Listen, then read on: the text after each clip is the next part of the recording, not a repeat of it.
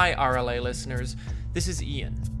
It's been a pleasure over the past few months putting the finishing touches on these apparition episodes and releasing them out into the world. Thank you for your support and for your listens. Honestly, it means a lot. Between you and me, things have become a little busy on my end recently, and with the holidays coming, I thought it would be best to uh, delay episodes 9 and 10 of Apparitions until January 10th and 24th. I want to do each of these episodes justice and put the necessary work into them to make them as special as they are. Uh, and also, of course, spend the time sharing them online with everybody. I know you're going to love the episodes when you hear them, almost as much as I loved putting them together for you. Here's to a wonderful next month for you and for me, and you'll hear something again in this feed soon.